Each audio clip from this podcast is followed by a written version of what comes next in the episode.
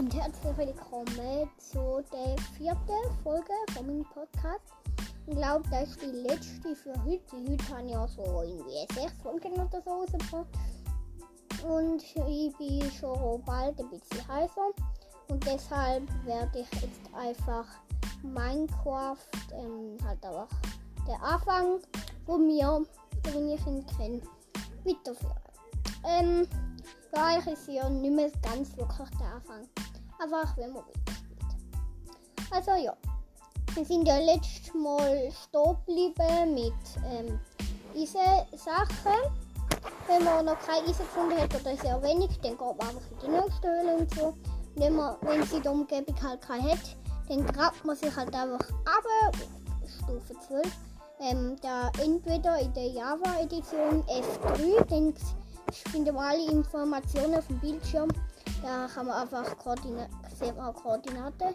Dort äh, halt einfach ähm, Y-Koordinate ähm, äh, äh, auf Stufe muss halt einfach auf 12 sein.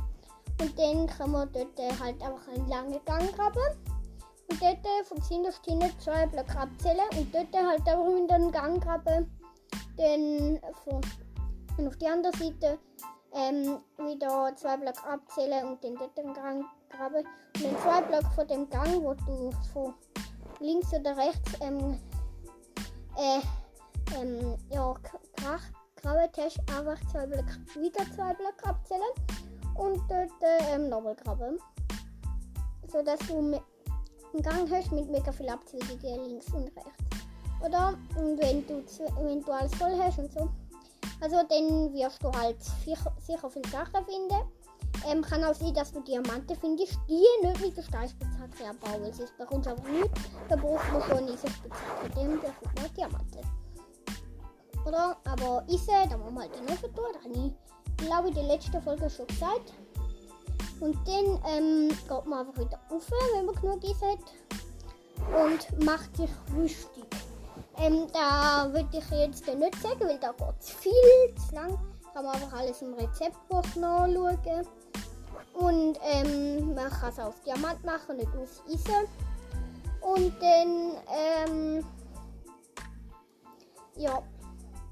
Also auf jeden Fall braucht man für alles Holz. Da ist ja wichtig. Also ab und zu muss man auch mal Holz machen. Ähm, wenn man kein Dorf gefunden hat, dann den ähm, sollte man halt einfach ab und zu Diogo besiegen, weil die geben dann Fleisch und ähm, Schaf auch Wolle. Ähm, und aus der Wolle vom Schaf kann man auch ein Bett machen. Da findet man im Dorf so. Ähm, und ja, das Fleisch da muss man bröteln, denn ähm, ja, dann bekommt man ähm, mehr Hunger. Also wenn du hast ja so Hunger-Dingsbums dort über der Leiste, wo die ganzen Sachen sind, wo du Items drin hast. Dort drüber hast du halt so Hungerleiste, wenn sie schwarz werden, heißt das, die hast du nicht mehr und dann musst du halt etwas essen und dann wird es wieder farbig, oder?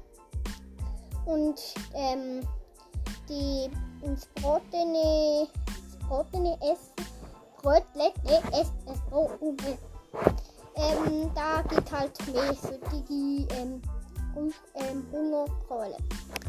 Und ähm, deshalb, ähm, ja, in der Dorf findet man halt auch, also Brot, der geht auch anstatt Fleisch, aber ähm, ja, wenn man den ähm, äh, äh, äh, äh, äh, Diamanten-Sachen und so hat. Also der, ich sage ich sag jetzt auch mal, wie das man Minecraft spielt. Da baut man sich am besten auch ein Dach und dann wird man auf die Nacht warten und warten bis Monster kommt. Und dann ähm, bei Zombies ähm, kannst du einfach ähm, besiegen, indem dass du halt auch ein Schwert drauf hast. Aber wenn jetzt kein Leck kommt, der kann ja viel schiessen und deshalb, ähm, ja. Und dann, ähm, wenn jetzt aber ein Enderman kommt, der ist halt Blöcke hoch und deshalb hat man, hast du aufs Dach, damit er nicht zu dir kommt, weil er ist extrem stark. Wenn du ihn besiegst, dann bekommst du Enderperle, was sehr wichtig ist zum Minecraft durchspielen. Und dann kommt, wenn du eine Spinne hast, ist auch gut, weil der, du brauchst Spinnenwebe, wenn man die besiegt. Und ähm, ja, dann ähm, ist eine Spinne, nein, Spinne, nein, Fatte, genau, so.